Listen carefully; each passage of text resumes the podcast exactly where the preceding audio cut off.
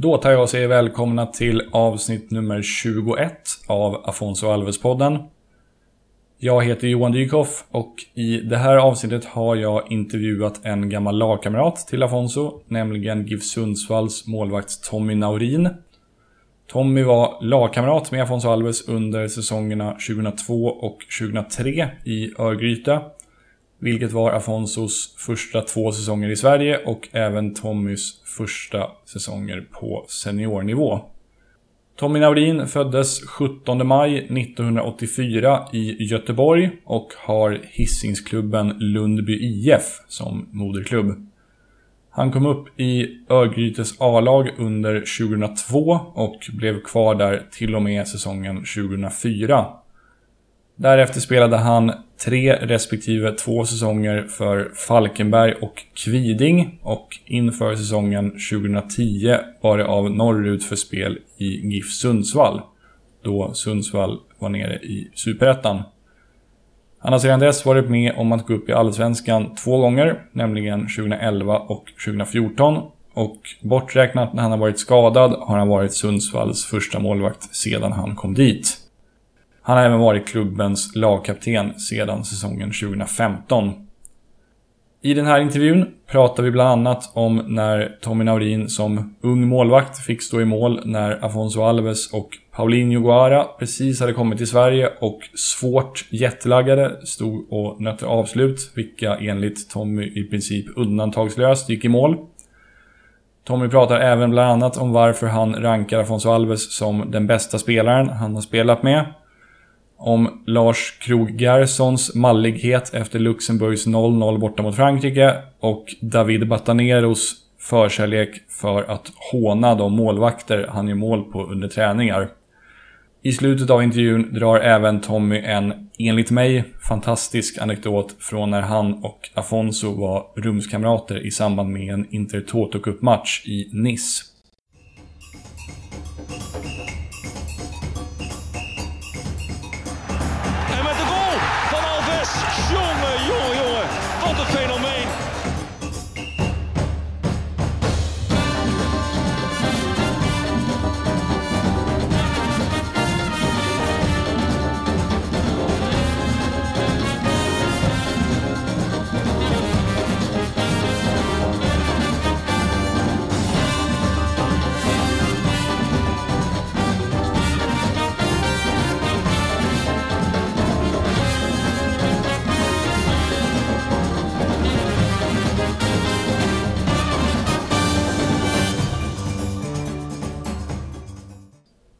Då börjar vi med faktarutan då. Så eh, mm. fullständigt namn börjar vi med. Tommy Peter Naurin. Mm. Eh, ålder? Eh, 33. Har fyllt, ja du har fyllt i år, eller hur? Jajamän, ja. Norges nationaldag. Ja, ah, 17 maj. Eh, kommer från respektive bor i? Eh, kommer från eh, Hisingen. Eh, bor i Sundsvall. Mm. Favoritspelare genom tiderna? Eh, får inte säga Afonso Alves då. Det, kan du, det, det går jättebra att säga. Det är pluspoäng i sådana fall. Eh, jag tycker väl det är den bästa spelaren jag, jag har spelat med, eh, överlägset. Ja. Så det är tätt följt av eh, en annan brasse, Ailton Almeida. Så hade du någon barndomsidol sådär som du såg upp till? Mm, eh, Fabien Barthez, han var min största idol. Ja, okej. Okay. Han, eh, han var ju något av en vattendelare. Alltså så att vissa mm. antydde att han var lite flängig, men... Eh, ja. Men ja, jag, jag, var, jag, var, jag var ju på andra sidan då kan jag säga. Ja, han var kung, kung i alla lägen oavsett ja. vad han gjorde. Liksom. Eh, tvärtom då, någon eller några spelare som du inte gillar av någon anledning? Jag, jag är inte jättesvag för så här superlånga målvakter. Kanske att jag inte själv har den. Typ. nej, det är duktig målvakt men det är väl inte riktigt den eh, typen jag kan förlika mig med. Så att, eh, nej men det är väl eh, så här skitbra spelare som Van der Sar och de här, de tycker jag inte är roliga. De är profillösa. De är ja. duktiga, men de, de sticker inte ut på det, på det sättet som jag önskar. Nej, det är ingen Bartes-faktor i honom direkt. Nej, precis. Och ändå är jag United-fan så att det sved lite att säga det, men så är det faktiskt. eh, en företeelse inom fotboll som du inte gillar? Oj. Eh, ja du, den är svår. Har du något exempel? Folk har till exempel nämnt korta hörner eller filmningar eller eh, vad har det mer varit för någonting? Uppvärmning, jag minns att någon nämnde. Försäsong liksom. Och sen har man ju lärt sig eh, hatälska nu faktiskt. Eh, så här på ålderns höst så det, känner man ju av att den, att den är viktig. Men det, det var väl den man, man tyckte minst om. Eh, löpa spåret och sådana saker, den är, den, är, den är tråkig. Den har vi tagit bort här uppe för mycket snö så vi, vi tar oss inte runt det spåret som vi använt tidigare. Ja, ehm, så blessing in disguise. Ja, precis. Att uh, allting är underbart med fotboll. Ja, kort och gott. ja, ehm, en spelare vars skor du själv gärna hade varit i, i ett visst ögonblick? Oj. Um... Ja du. Nej men Afonso när han drar in den frisparken mot, eh, mot Blåvitt och, och, och sen säger spring snabbare jävla gubbe till Håkan Mild. Där, där hade jag faktiskt velat stå. där hade jag velat vara Afonso. Just i det ögonblicket liksom, när han säger det till han ändå står i muren. Liksom. Ja. Jag vet inte hur, det var väl den enda svenskan han kunde för tillfället men det var jäkligt roligt. Ja, det är ytterligare pluspoäng för att du näm- det, ingen har nämnt eh, Afonso Alves på den frågan. Kan jag säga. Det... Nej, men det, var, det kanske för att jag tänker mycket Afonso just nu. Så det, han får den. Eh, din bästa fotbollsupplevelse? Än så länge? Oj. Um... Eh, när vi gick upp med, med Giffarna i Allsvenskan 2000, um, 2011. Det var nog det bästa minnet. Ja. Mm. Förstår jag. Och det, du var med och gick upp en gång tidigare, eller hur? Ja, jag gick upp men jag drog i korsbandet efter den, eh, den banketten. Så att ah. jag fick ju inte njuta av den säsongen riktigt. Eh, så att, eller inte alls. Jag fick spela två matcher och drog jag korsbandet direkt ah, igen. Så att, eh, men det var ändå den, den liksom... Det var väldigt hårt arbete. Jag hade spelat två år här liksom, och tanken var ju att spela allsvenskt. Så att, den, det var liksom ultimat. Det var ju ett, en, en, målsättning som verkligen gick i lås. Liksom, så att, två års uppbyggnad för, för, för den, eh, den avslutningen var där kryss hemma mot Landskrona, jag inte minns helt fel. En ruggig eh, oktober, kanske tidig november då. Så det, det var mysigt. Det var bästa minnet faktiskt. Ja. Eh, då ska vi se lite utanför fotbollens värld då. Ifall du hade varit någons livlina i Postkodmiljonären, vilket icke idrottsrelaterat ämne hade du haft bäst chans att hjälpa din kompis i? Flaggor tror jag. Ja, vad kul. Då är vi två som gillar flaggor. Ja, vi hade den på bussen här senast. Jag vet inte varför med en kille i laget här. Han eh, hittade en hemsida som heter kahoot.it där man mm. kan sitta och ha sån här. Vet du vad det är för något? Nej, men jag, kan nog tänka mig vad det är för format på det liksom. Ja, det är simpelt. Det kommer upp eh, vilken flagga står det och så har man fyra svarsalternativ liksom. Ja. Men jag vet inte, vi har en sån här, något, något resespel som jag spelar med svär, svärmor och svärfar ibland. Och då Eh, då anser jag mig vara vass. Ja. när just flaggfrågan kommer. Så att, eh, den, den tycker jag är rolig. Den hade jag nog kunnat hjälpa till eh, hyfsat med. Ja. ja, vad kul. Då måste jag fråga, är du, är du bra på att komma ihåg namn? Alltså på personer också? Nej, inte nödvändigtvis. Nej, okej. Okay. För jag, jag är väldigt bra på flaggor och jag har också alltid haft väldigt lätt att komma ihåg namn på personer. Alltså både så här, jag kan komma ihåg för och efternamn på personer som gick i samma klass med i lågstadiet. Liksom. Så även om det, jag tänkte om det kanske hänger ihop på något sätt. Men... Ja men det kan det säkert Jag har jättebra minne. Jag minns så här detaljrika saker från... Eh, alltså typ varenda mål jag släppte in i karriären, det, det kommer jag ihåg till exempel. Oj. Och liksom resultat och så här. Alltså, nu, nu kanske du sett mig på podcast men, men jag tror fan att jag skulle kunna sätta liksom varenda så spelare som, som gjort målen på en liksom. Kanske inte de som man inte visste från början men just uh, resultat och sånt. Så att det, det är möjligt, har man bra minne så kanske man har lätt för just flaggor. För det ja. sätter sig, etsar sig fast liksom. Men sen träffar jag så otroligt mycket människor här uppe i Sundsvall. Så det, och det, även om inte det är världens största stad så är det alla känner alla. Så att eh, det, det blir många ansikten och då, då kanske namnen inte fastnar lika lätt. Nej, men precis. Eh, om man tänker tvärtom, finns det något ämne som du är riktigt kass på som du absolut inte hade kunnat hjälpa till med? Alla, alla grundämnen i, i grundskolan.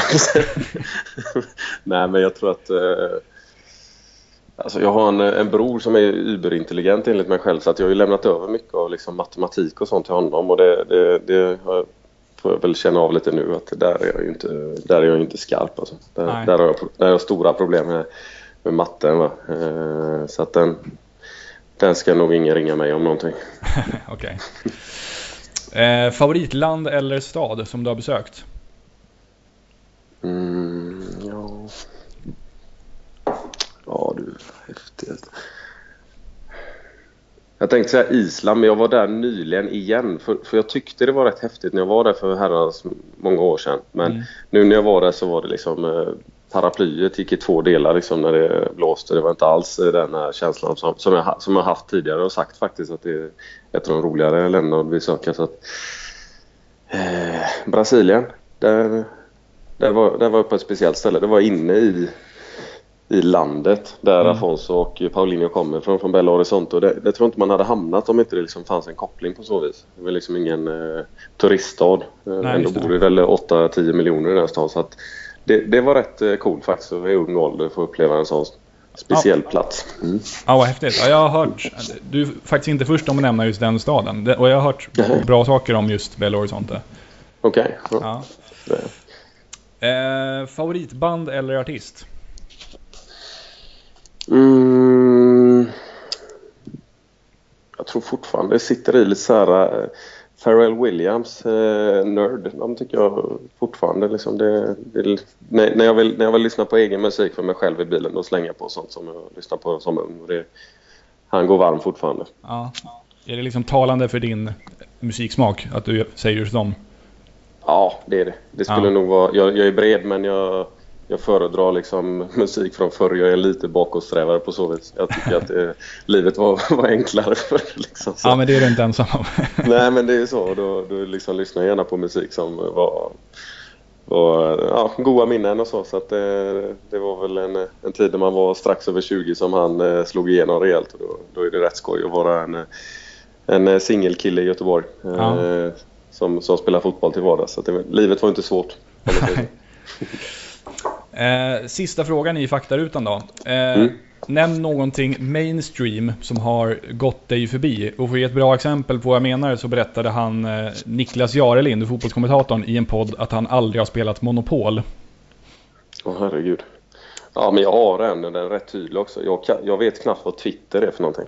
Just ah, okay. den, den, den jäkeln har jag liksom både skitit i och sen, jag tror det var någon som sa, det var, jo det var Sebastian Rajalax som sa till mig i bussen på vägen hem senast. Han bara men hörde du inte det som hände på Twitter?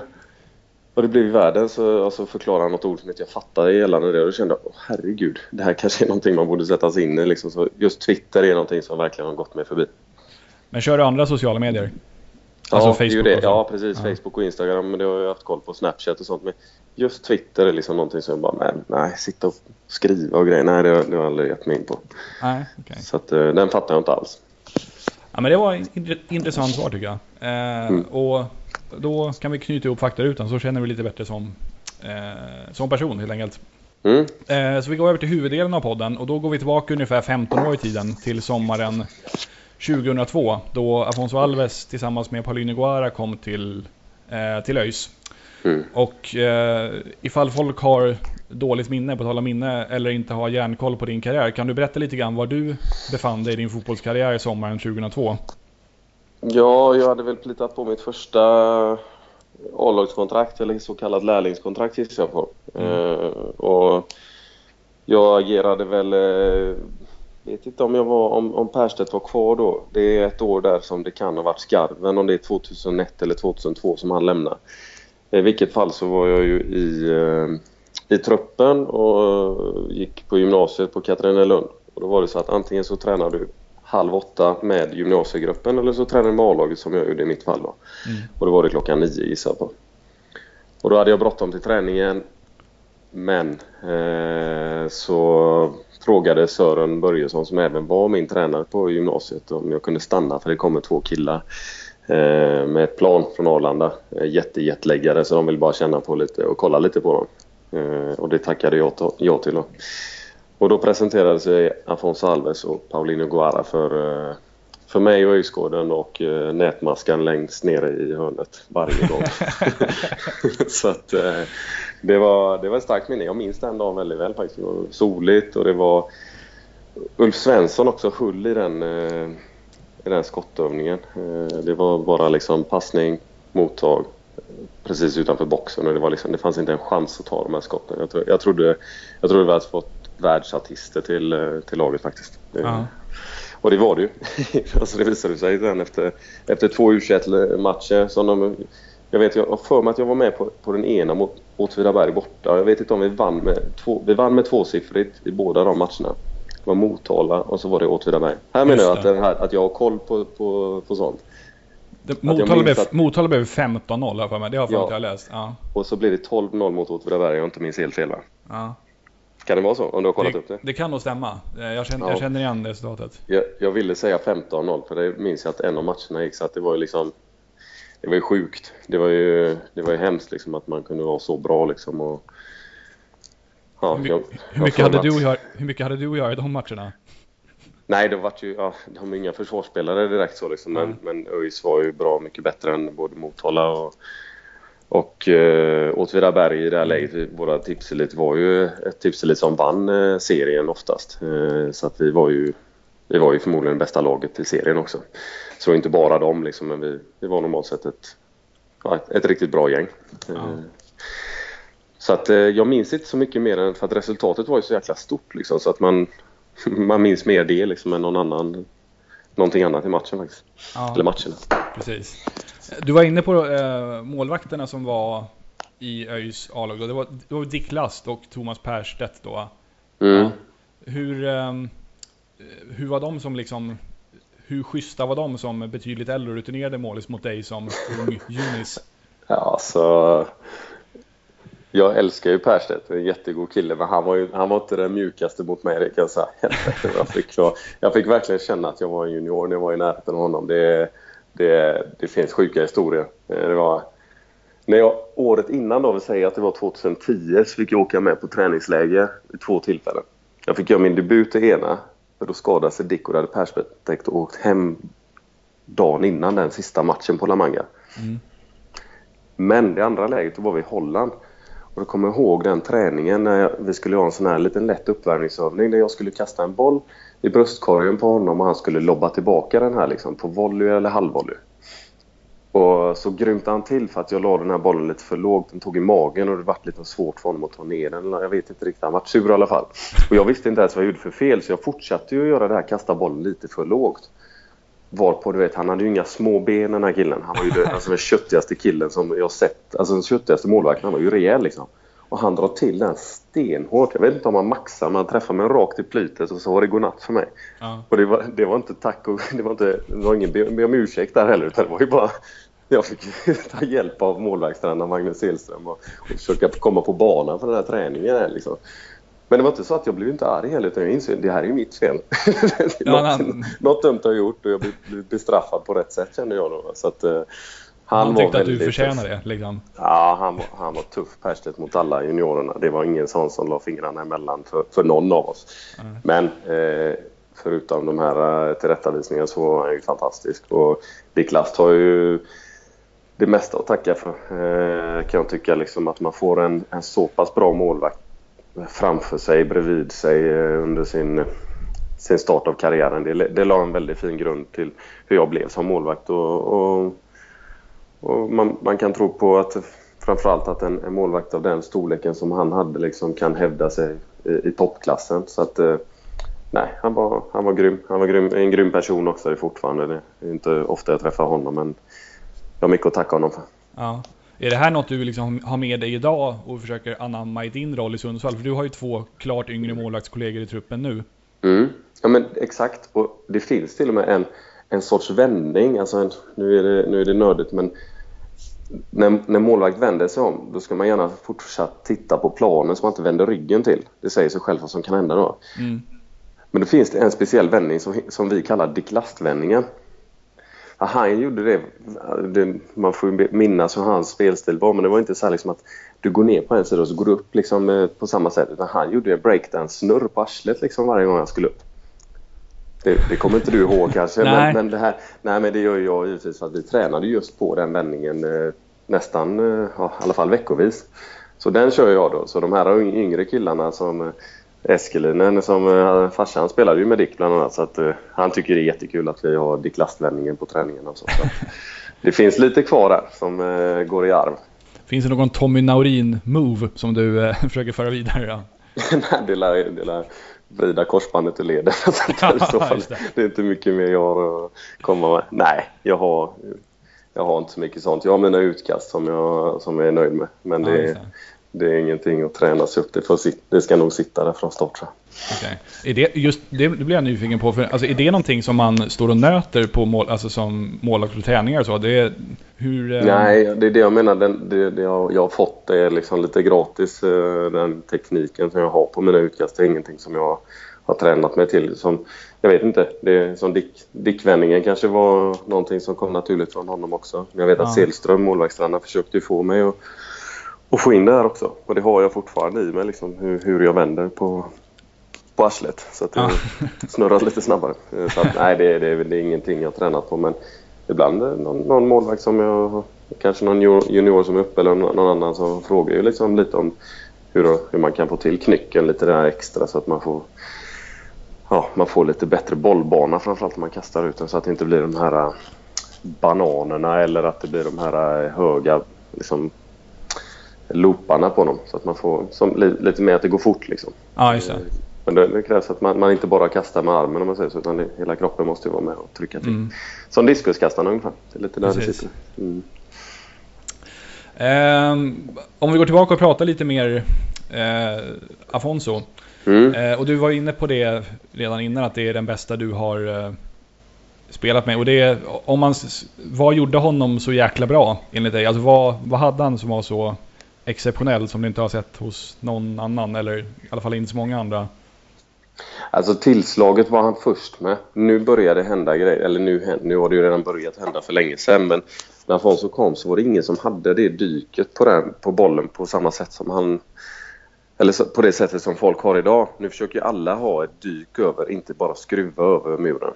Mm. Precis som Cristiano Ronaldo. Afonso gjorde ju det här. Det kan man ju se liksom på framförallt på dödboll då på frisparkar. Eh, men även skott i rörelse. Så det vart ju, det vart ju en till dimension i avslutet. Du måste ju som målvakt då kunna läsa både... Ja, det blir två så här, Du får ju se skruven då om vi skulle se den liksom lodrätt.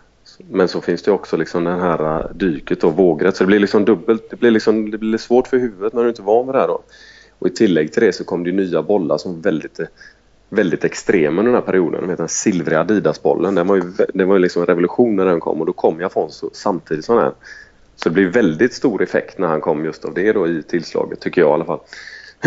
och sen skaffade vi Nike då. Det var sådana här polkagrisbollar som var lite större och det var också eh, väldigt mycket lättare att få den här badbollsträffen på då. Så att han, han tajmade ju sin, eh, sin landning i Sverige väldigt bra då. För han fick ju både tid med boll på ett annat sätt än han kanske fått i, i, i eh, Atletico Mineiro. Nu har jag sett någon match där nere å andra sidan men, men jag tror ändå att det, det var... I hans kaliber så fick han nog mer tid i Sverige än man hade fått någon annanstans. Ja. Så att eh, det, det, är klart att det, det, var väl hans största signum. Sen var ju hans kroppsfint, var ju, det var ju, han var ju mjuk som, som Zidane. Han, det, det, var liksom inte att han kunde trixa så mycket och sånt. Han, han kunde ju knappt trixa med bollen. Som jag minns det. Alltså det var ingen sån som höll på att göra konster och sånt. Utan det var mer liksom att han hade han hade ett eh, fotbollshuvud. Liksom. Han kunde läsa kroppsspråk lätt. Han visste om han skulle gå höger, vänster liksom, och, och, och vad han gör med försvararna när han, när han gör det. Ofta rörde han ju inte ens bollen utan det var liksom bara kroppen som gick över bollen och så fick han med sig någon. Så, så att det, var, det var lite Zidane i kropps, kroppen och så var det väl Juninho i skottet då liksom. De skulle sätta upp den perfekta. Så att han var ju... Nej, det var synd att det inte blev mer Afonso i Sverige. Ja. Eh, men eh, det var kul att man, man fick vara med. Eh, han, man, han flyttades ju runt lite grann på olika positioner under sin tid i Sverige medan han, eh, när han flyttade vidare, körde i princip, han körde bara som nia. Alltså givet de eh, styrkor eller egenskaper som du såg hos honom, vilken, vad tyckte du var hans bästa position? Ja du, det är svårt att säga liksom om man skulle jämföra med ÖIS och Malmö liksom, för Malmö hade ju Alltså de hade ju andra kvaliteter än vad ÖIS hade för stunden mm. också liksom, så att det var hade jag placerat honom på en drömposition så hade han fått vara lite släpande så, liksom, så att han ja. skulle komma mer, få mer yta framför backlinjen och liksom komma till avslut. Eh, för han, han, han var ju inte den som skulle glidtackla in bollarna liksom, som en ren nia på inlägg och sånt där. Mm. Eh, men på kanten tycker jag att han är. Nej, ändå inte. Liksom. Det är många, många som säger Ronaldo liksom, som passar jättebra på kanten för att då kan han liksom börja ta sig fart och så. Jag tyckte att han, han skulle nog uh, vara mer central faktiskt. Men det, smaken är som baken. Jag spelar ja. han gärna som en, en, en, tia. Ja. Jag, jag såg faktiskt en uh, dokumentär som Heerenveen hade gjort, alltså klubben hade gjort. Uh, mm. Och där berättade någon, om det var någon för detta sportchef eller någonting, att de hade scoutat honom redan när han var i ÖIS. Mm. Och eh, tyckte att det här är en klockren nia. Han ska inte spela någon annanstans än som central anfallare. Oj, ja. eh, och, så han, och det fick han göra i Heerenveen, då gjorde han ju 34 baljor. Så ja. de var väl inte helt fel ute kanske? Nej, nej, absolut inte. Det är, det är bara hur jag ser liksom, drömscenariot. Liksom, att ja, jag, jag känner gärna att, att man vill se men då jämför jag också. Då, då fanns det kanske andra spelare som skulle fylla de rollerna. Utan, tänker jag Örgryte så, så fanns det kanske ingen bättre just än att ha där. Eh, och så arbetsmyror som jobbar där uppe kanske lite mer så, så att man får loss en, en, en, sån, en sån duktig spelare på ett annat sätt än, än bara nia då. Eh, ja.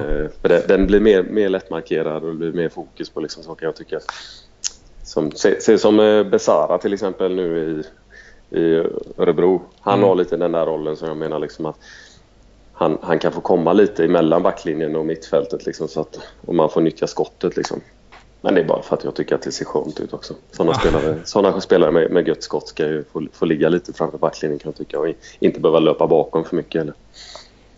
Jag pratade för övrigt, eh, när jag intervjuade Lasse Nilsson så frågade jag honom ifall han ifall han hade fått ta en egenskap från Afonso för liksom lyfta sitt eget spel, då sa han just eh, tillslaget. Och det mm. var väl kanske inte så förvånande direkt. Nej, precis. Fan, Lasses eh, snabbhet också, herregud. Ja. För det där var, där, jag vet inte vad Lasse sa själv, men Afonso upplevdes ju inte som så snabb som, så, så som en sån speedkula som Lasse. Liksom. Det, det, där skulle de nog behövt varandras kvalitet för att ta nästa eh, steg, kan jag tycka. Ja. ja, det hade blivit en hyfsad spelare om man ja, hade kombinerat de två. Um, Afonso han nådde ju ganska långt ändå, ända liksom till brasilianska A-landslaget och Premier League och sådär. Och medan det för Paulinho inte blev spel på så himla mycket högre nivå än allsvenskan. Han var i Sydkorea någon sväng och någon vända i Portugal. Men alltså vad, om man säger vad hade Afonso som inte Paulinho hade? Om man nu kan uttrycka det så enkelt. Ja, där tycker jag ju att, att uh, Paulinho var Först, de är väldigt olika för att det, jag tyckte Paulinho var en renodlad mm. forward liksom och mer en nia än, än, äh, än Afonso. Äh, han kunde som du säger själv, han kunde spela på fler positioner. Äh, och det tror jag gynnar de flesta spelarna. Inte att man blir den som kan hoppa in på alla positioner men att man, man har en trupp som stark som Malmö liksom och inser ja men fan vi har ju, jag vet inte vad de hade för forwards då liksom. Var det Jari Littmanen då? Ja men de hade Skog och Sypniewski. Eh... Hade de Peter Idje samtidigt? Nej det måste nog varit innan tror jag. De, ja. Jag tror inte Afonso och Idje var där samtidigt. Eh... Ja, men det, det jag vill komma till är i alla fall liksom att eh, är du lite mer mångsidig eh, och du har klassspelare så kanske du tar in en sån här spelare lättare. Än, mm. eh, Paulinho gjorde ju jättefina mål. Du minns ju Öster hemma. Ja just det, fyra baller gjorde han va? Ja, precis. Och när liksom han, han chippade över samma back två gånger och lägger mellan benen på målvakten. Det var liksom helt, helt sjukt. Eh, Björn hette målvakten för övrigt. Han hade väldigt mycket huvudvärk. Ja, precis. Han hade huvudvärk ofta. eh, nej, men eh, så att Paulinho hade ju liksom... Han hade ju mer ett, en, ett rakt tillslag. Han var väldigt duktig på att placera bollen däremot. Jag vet inte om han kanske var till och med snäppet vassare där, men det gäller ju att ta sig dit också. Ja. Och där hade ju Afonso en helt klar fördel då att han kunde slå sin gubbe. Nu nämnde jag ju precis att Paulinho gjorde ett drömmål när han chippade den över den här killen. Men, men i normalfallet så, så slog Afonso kanske sin gubbe mer än Paulinho. Eh, och då, Paulinho var bättre på huvudet till exempel. Där hade han ju sin fördel liksom. Och, men eh, kanske mer eh, eh, låst till sin position då. Det, det är väl eh, ödmjukt att säga så eftersom jag tycker båda var duktiga. Men, men Afonso hade ju ett bättre skott också som vi pratade om. Så att, det var väl de två grejerna. Mer, mer allround och ett bättre skott. Ja, okay. Jag tänkte, det var ju ganska många brassar i ÖIS på den här tiden och några mm. som det kanske liksom inte riktigt flög för. Så jag vet om Roberio och Bosco mm. där. Var det någon av dem som du, alltså som du som måste ha tränat med dem tyckte att de ändå höll rätt bra klass och borde ha liksom gått längre. Ja, du vet, Robeiro tog jag till Falkenberg eh, som mitt första scoutinguppdrag i karriären. Ja. Förmodligen mitt sista också. eh, för att jag spelade ju där, jag vart ju utlånad och sen blev jag ju... Ja, såld är väl synd att säga för jag tror inte det var så mycket pengar däremellan. Men eh, jag hamnade där och då, då hade vi jäkligt dåligt med spelare och det var sista dagen på transferfönstret och så fick väl tränaren om, nys om någonting om, om honom då. Så sa han, fan vad är det med honom? Jo men han har brutit foten i Finland, han, han kan inte spela. Ja, men hur illa är det? Jag bara, när man har brutit foten, är jag av liksom, så bilden liksom. Ja men när kan han vara tillbaka? Så jag vet inte, då pratade jag ju med Robeiro. Nej men det känns bra,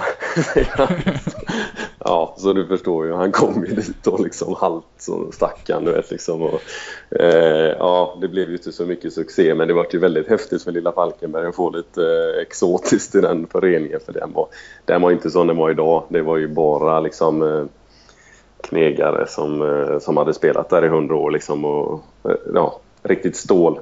Tränaren sa till och med så här Sätt ner den i sarghörnet så jobbar vi därifrån. Det var inte, inte det här sambaliret man var van vid och definitivt inte det eh, Robeiro var van vid då.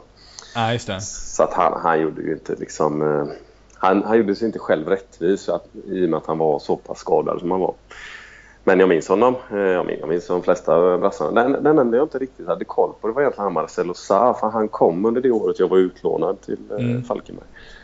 Eh, jag minns att han hade lite attityd som inte jag var så nöjd med. Jag, för jag tränade ändå Möjs under den perioden.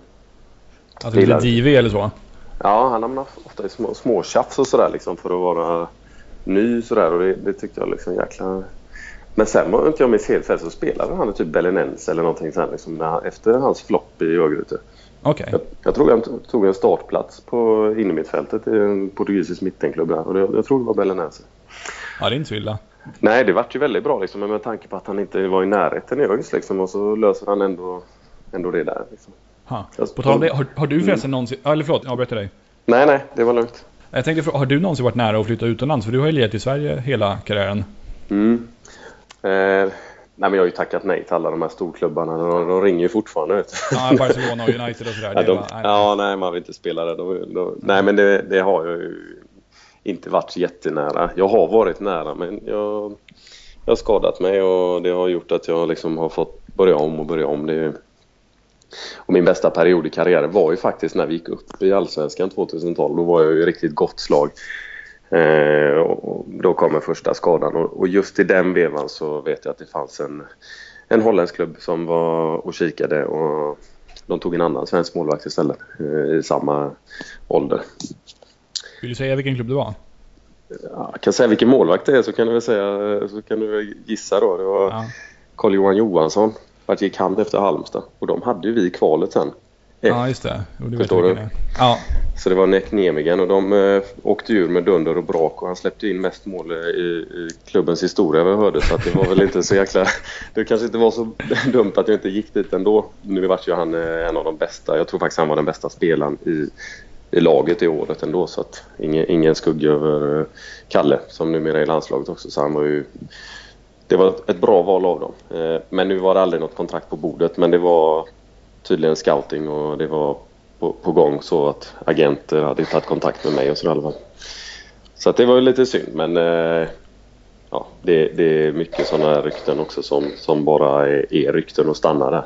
Ja jag vet ju, det är ju agenter på varenda match som vi spelar. Eh, sen, sen är de förmodligen inte där för, för, eh, för en spelare utan de kan ju vara där för att kolla på flera eller knyta kontakter med klubben och så vidare. Men, men det, just det här med näck vet jag att det var lite det var längre gång än, än så vad jag, vad jag hört. Okej. Okay. Känns det liksom eh, Känns det tråkigt att det förmodligen inte blir någon utlandssejour eller hur Är det någonting du gärna hade kunnat skriva på CVt? Nej, nej det är förbi. Det där är förbi. Det. Ja. Men, det, men det var ju en dröm hela tiden så det är klart att det, jag var ju oerhört, det var ju mycket. Var ju, när, när man skadade sig så första gången då, då är det ju nattsvart allting liksom. Det, mm. det, man, man, man kan liksom inte liksom man, man, kan inte dämpa det på något sätt och alla sådana här grejer, typ som att det var ett rykte om en annan klubb liksom, utomlands. Det, det, det gjorde det inte bättre liksom. Då kände jag liksom, åh nu tar världen slut liksom. nu, nu, nu, nu, får jag aldrig en chans igen liksom. Men sen ett år senare var jag i bättre form än, än jag var innan jag skadade mig för då hade jag ju tränat så bra liksom. men tyvärr, då var ju olyckan framme igen då. Så att eh, det är väl lite, lite, lite, lite otur med skadorna men sen ska man ju vara tillräckligt bra för att få hamna i de här klubbarna också. Så är det. Ja, det är en kombination här, mm. helt klart. Jo. Eh, vi tar och pratar lite om årets säsong också, tycker jag. Mm. Eh, året som har varit i Sundsvall. Om man skulle bara lite kort sammanfatta säsongen, hur den har känts både för dig, både för dig personligen och för laget som helhet. Den ligger ju precis över strecket nu, eh, mm. om jag inte misstar mig. Jo, men det är nog så. Eller det är precis så. Det, ja.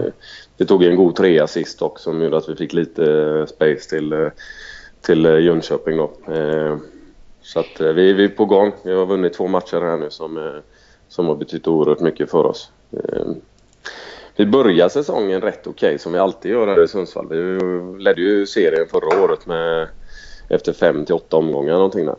Eh, och i år var vi, var vi jättebra. Vi hade ju släppt in minst mål eh, på första, första tredjedelen av säsongen och såg, såg ruggigt starka ut men vi fick inte in målen riktigt. Och liksom vi, vi nollade topplagen på bortaplan liksom och, och det blev tyvärr bara 0-0 liksom så att vi plockade okej okay med poäng på kryssen men vi, eh, vi hade svårt med produktionen.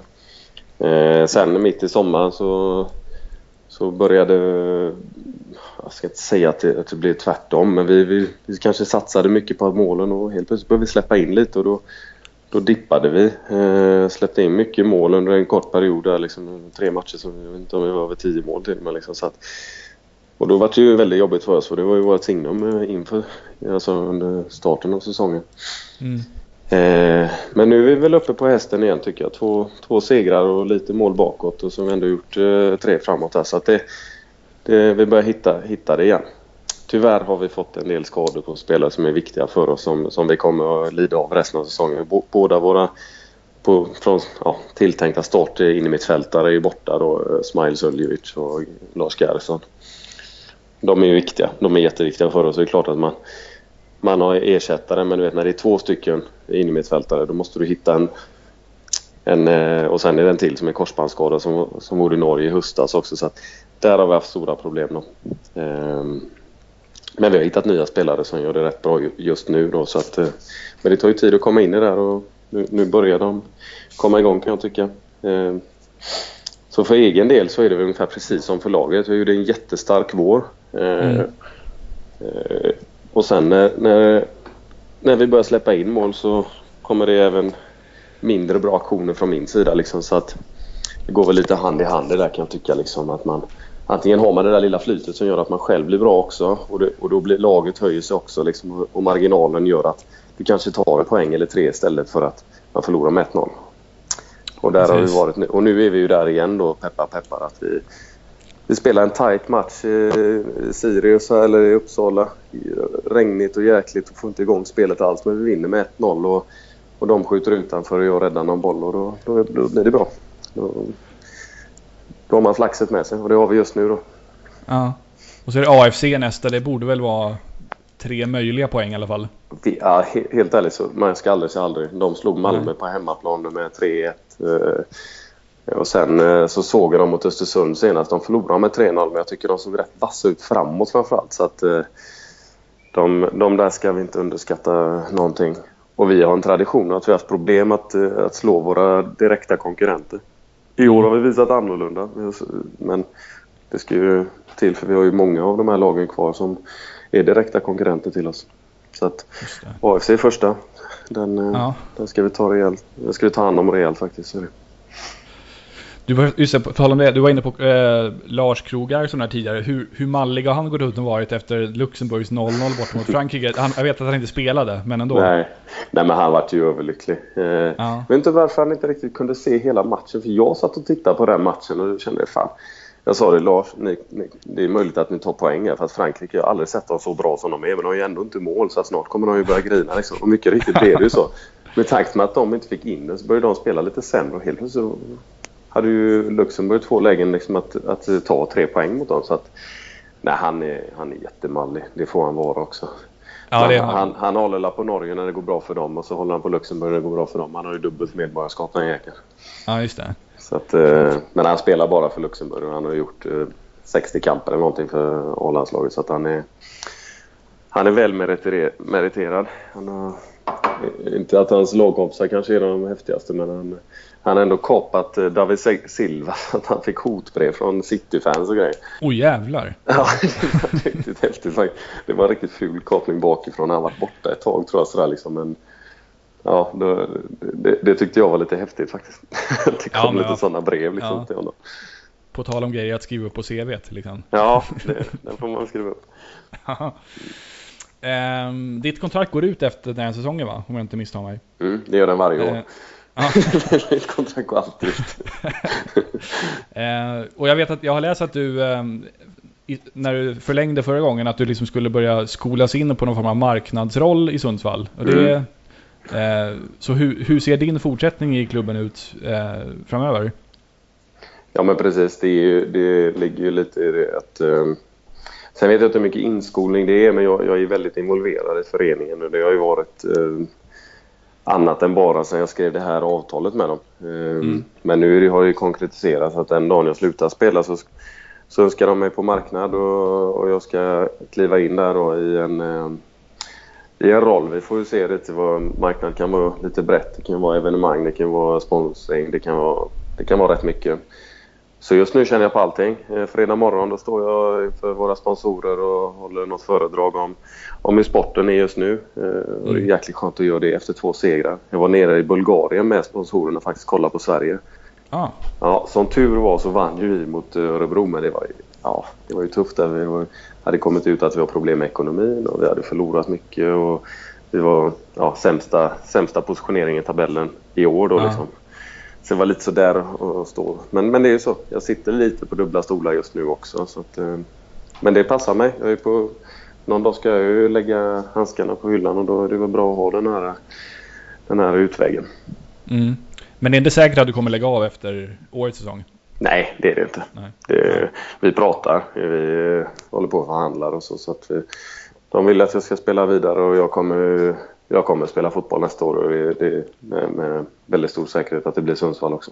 Okej, okay. och kroppen känns bra och så? Alltså den kroppen är ju som den är. Jag har mycket skavanker alltså. Det... Ja, ser knäna och det men... Ja, nej men jag, jag, jag ska inte säga att jag bröt armbågen men jag, jag, har, jag opererade armbågen igen här i vinter. Alltså den har börjat kärva igen som jag skulle kolla på. Och så har jag ju givetvis mitt knä då där jag och nu, nyligen skadade menisken också så att jag ska också in och pilla på efter säsongen. Ja. Alltså korsbandet av och sen så har jag en, en nervinklämning i foten som jag ska operera också så det är liksom mycket grejer liksom på den här äh, gamla hästen nu. Ja, det är klippkort på, på Vårdendalen. Ja, det, det har varit lite många, många turer på äh, magnetröntgen om inte annat. Så att, men ska jag vara helt ärlig så mår jag jävligt bra min kropp. Ja. Trots allt det här liksom, man lär sig liksom. Jag, jag har mått sämre för, för mindre skador. Det kanske har lite med rutinen att göra så att eh, det är väl det också att de ser att de, han håller ju. Eh, jag drog faktiskt korsbandet för tredje gången när Alltså jag tror det var veckan efter jag skrev kontraktet med Giffarna senaste gången. Så det var ju lite skönt för en annan då liksom att okej okay, jag har i alla fall en chans att rehabilitera mig liksom, men jag visste inte om jag skulle kunna spela om jag ska vara helt ärlig. Det, det, det, är inte många som har gjort det. Peter Fock gjorde det. Jag spelade med honom så han ringde direkt och sa Fan, hur, hur klarar du det liksom? Jag hade opererat mig, tar det ett år att komma tillbaka och då är kontraktet slut liksom. Så att, ja, det är lite, lite kärvigt med kroppen ibland. Ja.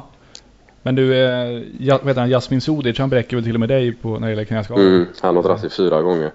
Tre, tre, tre ena och ett i andra tror jag. Jag har tre på samma så att jag vet hur det känns i alla fall. Men ja. Han är ung nog och ska rehabilitera. Han är så pass duktig också så att... Eh, och ung så att han har, han har ju tid på sig liksom. Jag har ju inte tiden. Jag är 33 och liksom ska man gå ett år där och försöka ta sig tillbaka liksom. Jag, jag tror, att, jag tror inte jag har riktigt den, den, de förutsättningarna faktiskt att, att lösa det.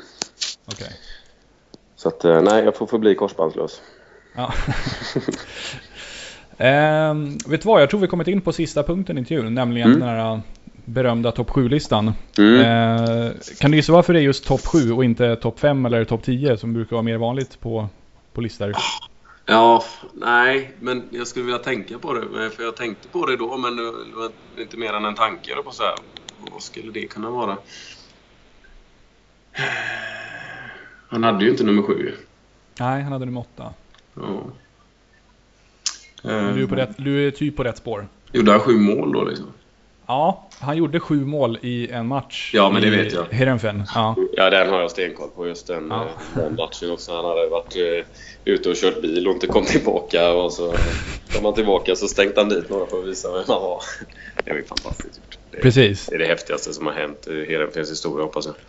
Och så blev han... Uh, han blev, mot slutet av matchen så hade ju Heerenveen inga byten kvar, men tränaren valde att plocka av Afonso för att han skulle få en stående ovation. Så de avslutade matchen med tio man.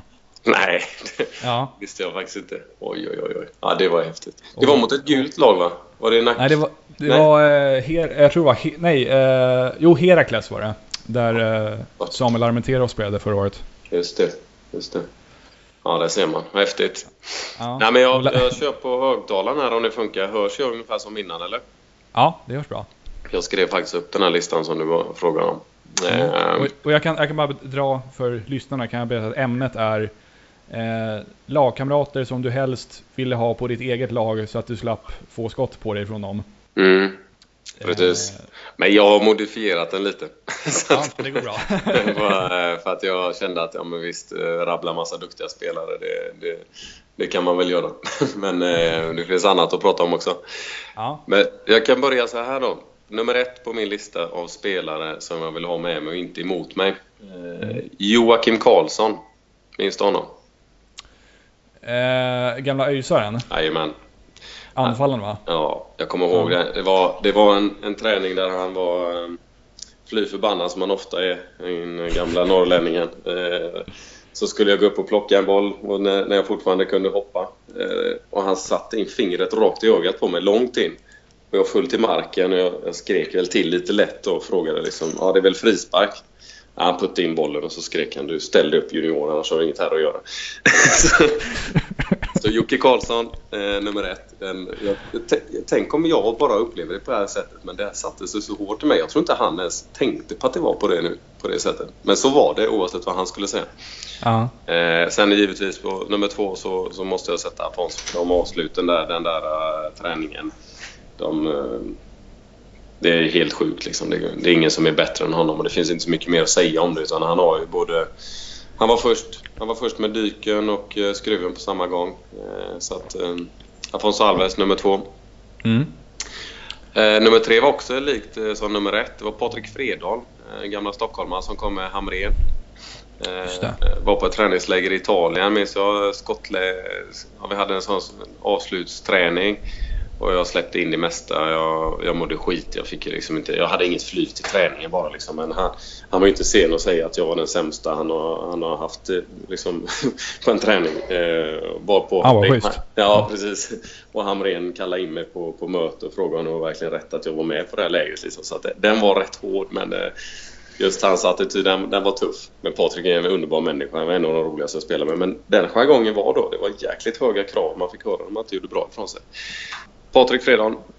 Eh, nummer fyra, en eh, lirare som inte... Han har inte blivit någonting sådär jättestort, eh, men han var jäkligt duktig. Alexis Mendiola heter han. Han spelade... Ja, mexikanen va? Ja, precis. Han var här uppe eh, sista dagen på transferfönstret var han på provspel här uppe. Han skulle egentligen till... Eh, jag tror han skulle till Östersund, men så hade de, var de iväg och så ja, åker man till Sundsvall och provtränar. Och det provspelet var ju helt, helt sinnessjukt. Det med Alexis var att han han tyckte att det var så roligt att spela fotboll så att han var liksom han var ju Madonna, han gjorde vad han ville och hans avslut var aldrig eh, något annat än vackra. Så han ville bara förnedra målvakten. Det var liksom, eh, så det var, det var aldrig kul att släppa in mål från honom. Han gjorde inte alltid mål, men när han gjorde mål så var det alltid så liksom att han lurade ner en tunn lobba liksom. Så att eh, han, han får vara nummer fyra på listan. Eh, och sen är det en exakt likadan spelare som, som nyligen spelade, Stefan Silva han var också en sån. Om man ser hans mål som han har gjort både för i Allsvenskan och i Sirius där i Superettan och, och, på träningar så var det, det var ju bara det var bara vackert hela tiden och det var mycket så här liksom att skjuta mellan benen på backen, eh, finta målvakten innan han eh, liksom placerar in dem och så. Så att han, han är också en sån klass, klassavslutare som alltid vill göra snygga mål. Eh, sen har vi en speciell spelare i laget nu som heter ehm, jag ska se, en, två, tre, fyra, fem. Det är nummer 16. Mm. Eh, David Batanero, vår spanska innermittfältare. Eh, har spelat i Segunda i många år. Han är lite till åldern. Han ser ut ungefär som en, eh, spansk version av Justin Bieber med tatueringar uppe över öronen. Eh, en helt underbar lirare, men det är just det han är. Han är en lirare. Han har grymt skott. Eh, och han kan ingen engelska och ingen svenska givetvis. Men ändå så kan han håna en. Han är så otroligt duktig på att håna en efter han gör mål. Liksom så här, liksom han, han härmar en typ liksom som om man vore en knubbis eller man är en säng. Och alla skrattar ju så att han, det blir liksom, det är skitjobbigt att släppa in mål. Man tappar fokuset liksom. Han är extremt duktig på kroppsspråk. Han borde bli en sån här mimiker liksom på La Rambla när han är klar med fotbollen. Hur fan hamnar han i Sundsvall undrar man ju? Alltså, Nej, vet du det? Vi har ju en spansk eh, andra tränare här. Ja, ah, det är därför. Okay. Den vägen han hade mött honom där. Eh, de är lika gamla så han visste att det... Ja, han kom hit korsbandsskadad så var egentligen den chansen vi fick på honom då för att han inte var fräsch nog att spela där borta. Ah, ja. Eh, och sist men inte minst en av mina bästa vänner som jag var inne på där i början av podden, Aris Gulason. Eh, han hade ett hästskott liksom eh, och, och, en vinnarskalle så han liksom, han, han, han eh, framförallt, ska jag vara ärlig, egentligen var det för att nu, men man är så bra vän med någon som jag var med honom här uppe och ha honom på träningen och släppa in mål. Det blev liksom, han kunde ju prata om det här liksom i tre dygn liksom, om det målet. Så att det var egentligen det som var det jobbiga. Och om man själv tog en straff eller någonting på honom på träningen, det, liksom, det rann ju av honom. Så att han, eh, han var bara äcklig liksom, när han hade gjort mål. Så där har du min eh, topp 7-lista. Går det bra för honom nere i Belgien förresten? Vad sa du? Går det bra för honom nere i Belgien? Eh, ja, han gjorde faktiskt ett drömmål här nu senast. Eh, de förlorade med 3-2 mot, eh, mot Anderlecht, men han gjorde, han gjorde 2-1 målet, så de ledde en period men sen så vände de på steken. Ja, ah, vad kul. Ja, det är kul. Han har varit ordinarie i landslaget under hela perioden också. Men nu, nu var det någon annan som gjorde det bra för någon omgång sen som tog vänsterbacksplatsen. Ja. Jag tror han gjorde mål och de vann med 1-0 mot Kroatien då, så att det varit liksom... Ja, svårt att peta honom efter det. Så där är ja, det, var en, det var en grym lista tycker jag. Ja, eh, kul att du gjorde lite egna modifieringar också. Ja, men jag, jag vet inte Men de andra kan ju inte haft, inte haft så mycket målvakter. Så topp 7-listan med de andra måste ju varit eh, på något helt annat sätt. Ja, det har varit lite, lite annorlunda. Ja. Eh, jag tänkte förresten, eh, en grej som inte var inne på någonting gällande Afonso bara för hur, hur minns du honom som, liksom, som person och som lagkamrat? Han var ju väldigt ung när ni, det var ju du också i och för sig, men eh, hur var han i gruppen liksom? Nej, men Afonso var ju som den här Batanero. Han kunde ju ingen eh, svenska eller engelska. Nej. Och vi var ju, jag har inte sagt det, men jag var ju rumskompis med honom under de åren han spelade också. Mm. Så att eh, det var ju, och det, det var jag och Mentor Schuby. Vi fick, vi fick, han fick Paulinho och jag fick Afonso. Det var liksom juniorerna mm. fick ta de här nya spelarna. Men jag glömmer aldrig en, en, en speciell grej med Afonso som är värt att nämna. Det är att när vi möter Nice borta i en sån här Intertoto-cupmatch så, så har inte jag någon, jag vet inte om jag hade någon telefon. Det var någonting i alla fall, jag har ingenting som kan väcka oss. Vi ska åka tidigt flyg imorgon. Det kan varit ett annat ställe men i alla fall, jag, jag minns det här i alla fall. Så Afonso, no, no, no watch, uh, wakey wakey liksom, hur, hur, ska vi göra? Och han du vet, kunde inte kommunicera men han sa liksom kalma kalma och så spelade han sin eh, uh, Ashe Bahia musik då. Så jag bara men uh, eh, Eh, Erik eh, kommer bli arg liksom. Han bara no, no, no problem. Så, så, så liksom, ja, jag gissar väl att han har en klocka. Grejen var den att Afonso hade ingen väckarklocka. Men han kunde vakna, han vaknade den dagen halv sex ändå.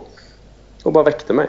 Varje resa så behövde man inte ha klocka. Han har en sån här inbyggd jäkla. Han litar på att vakna när det är dags att gå upp. Och det gjorde han också varje gång. Det, jag tycker faktiskt det är skithäftigt eh, hur det fungerar. Jag vet inte hur det funkar men han löser det. Ja, det är, det är ju mer inside story än så där går ju fan inte att få alltså. Nej, och den, den är ju värd att kolla upp om det inte är som en, fråga honom om det. Att, jag, jag vet fortfarande inte. Vi, snackade, vi försökte ju snacka, det var ju mest snack om brudar och sådana saker. Men det är liksom, ja. sen var det inte mycket mer liksom, som inte kunde språket. Det var ju med jag, så jag fick ju lära mig portugisiska via Walter nästan för att jag skulle kunna snacka med honom. Eh, Walter ska säga att Walter Thomas var ju min granne ja, i, i Göteborg också. Så, och vi, vi varit ju väldigt nära vänner hela livet och fortfarande goda vänner. Så att, därav. Ja, just det. Tror du Afonso hade känt igen dig om du, ni hade gått, kommit på liksom varsin sida gatan? Ja, ja, vi har ju fortfarande lite kontakt och sådär. Ja, vad kul. Så att eh, ibland så, ja, om inte annat så ses vi på Instagram. Men det, det, han drog i korsbandet också, du vet, när, när jag gjorde det. Så då snackade jag en del med honom om det här. Och han var väl i Qatar eller något liknande då. Mm, så att eh, då tog väl kontakten upp lite mer än det har varit de senare åren. Men annars, nej men han hade ju en liten pojk och så det hände mycket i hans liv då också liksom. Och, ja, det var ju mycket för mig bara att vara med i ett A-lag så liksom så att det... Och, ja, som sagt vi var roomies så att vi fick ju, vi fick ju lära känna varandra bra. De är rätt sköna alla de här brassarna jag har spelat med. Hilton är också en sån spelare som jag fortfarande har kontakt med. Eh, Robeiro som sagt, han dök upp i Falkenberg och så att de är, de är lätta att umgås med. Ailton lärde sig så jävla bra svenska. Det kommer jag ihåg att jag... Mm. Det var någon, eh, någon match som jag kollade på som ÖIS spelade där, jag tror att Patrik Ekvall som gick fram och skulle intervjua honom. Och då hade Ailton spelat kanske ett och ett halvt år i Sverige. Jag kommer ihåg att jag tänkte oj, oj, hur ska det här gå? Undrar om han verkligen kan nå vidare svenska. Mm. Och så pratade han, han pratade nästan göteborgska liksom. Ja, ja, ja. Det var mycket Robin Garnemyrs eh, förtjänst. De eh, två, ja det är ju två fortfarande Robin är en av mina bästa vänner ändå. Men mm. de två hängde ju extremt mycket när jag flyttade. Eh, så han lärde ju honom allting. Jag kommer ihåg ett av de första orden han lärde Ailton det var kasta inte sten i glashus. Ja, bara, varför han nu ska veta det. Men det var ju liksom nivån. Han, han, han kunde ta till sig allting. Han förstod ju allting vad man menar med det också. Så att han, eh, ja, han hade lätt för språk och pratar fortfarande lite göteborgska när man träffar honom faktiskt. Så det, det sitter i. Ja. Han är, är han i arabvärlden någonstans nu va? Mm, han hoppar runt lite där nu. Han körde tre år i Ryssland och sen har han varit där ett tag. Eh, han har ju bytt lag nyligen igen nu. Jag, kommer inte ihåg. jag kan inte skillnaden på de här Al-Halil och Al-Alil eller vad de heter. Nej. Men han är ett väldigt bra lag i alla fall. Så att, men sen har jag ju familj eh, från hans tjej från Göteborg så han har ju, som han har två barn ihop med. Så att, eh, han, är, han är ju hemma ibland. Då ser du kanske han har varit uppe på högskolan någon gång och hälsat på. Sådär. Ja, vad kul. Mm. Så att, eh, men nu, är, nu bor de där nere också vad jag förstått som. Så att, eh, nu är jag väl inte hemma lika ofta i Göteborg då. Nej. Nej, jag förstår det. Men det finns en koppling i alla fall. En anledning att komma hem och spela i Örgryte som, eh, som vi har snackat om någon gång. Om barnen. Ja, det vore något. Jag menar, hennes familj är ju där. Så att, ja, det där är inte helt omöjligt ska säga. Men han Nej. älskar Göteborg så att han säger att när han vill varva ner så kan det mycket väl bli en sån grej.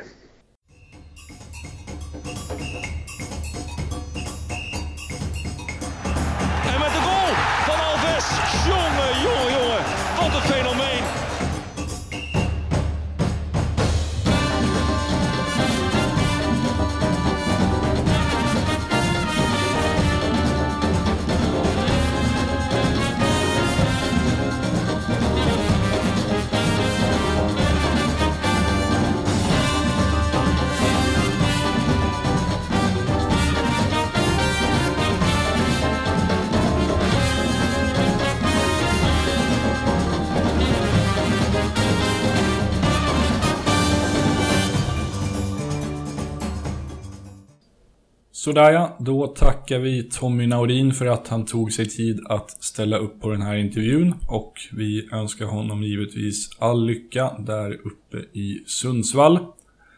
Han var förbannat trevlig och rolig att snacka med och hans Afonso Alves anekdoter var det ju sannerligen inget större fel på. Eh, innan vi avslutar ska jag följa upp förra avsnittets Afonso trippel och även lägga in ett nytt bett. I Förra avsnittet så blev det glädjande nog vinst. Jag hade ju spelat på att Middlesbrough skulle göra mål borta mot Bolton.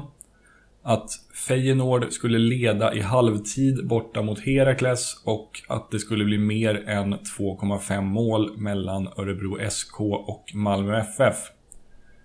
Middlesbrough besegrade Bolton med 3-0 och om jag minns rätt så ledde Feyenoord med samma siffror, alltså 3-0 i halvtid mot Herakles. Och sen avslutningsvis, tack vare Nahir Besaras övertidsmål mot Malmö så blev det tre mål i den matchen. Så då ramlade det in 125 kronor och några ören på mitt spelkonto. Så det var inte helt fel. Denna gång lägger jag mina 34 kronor på följande spel.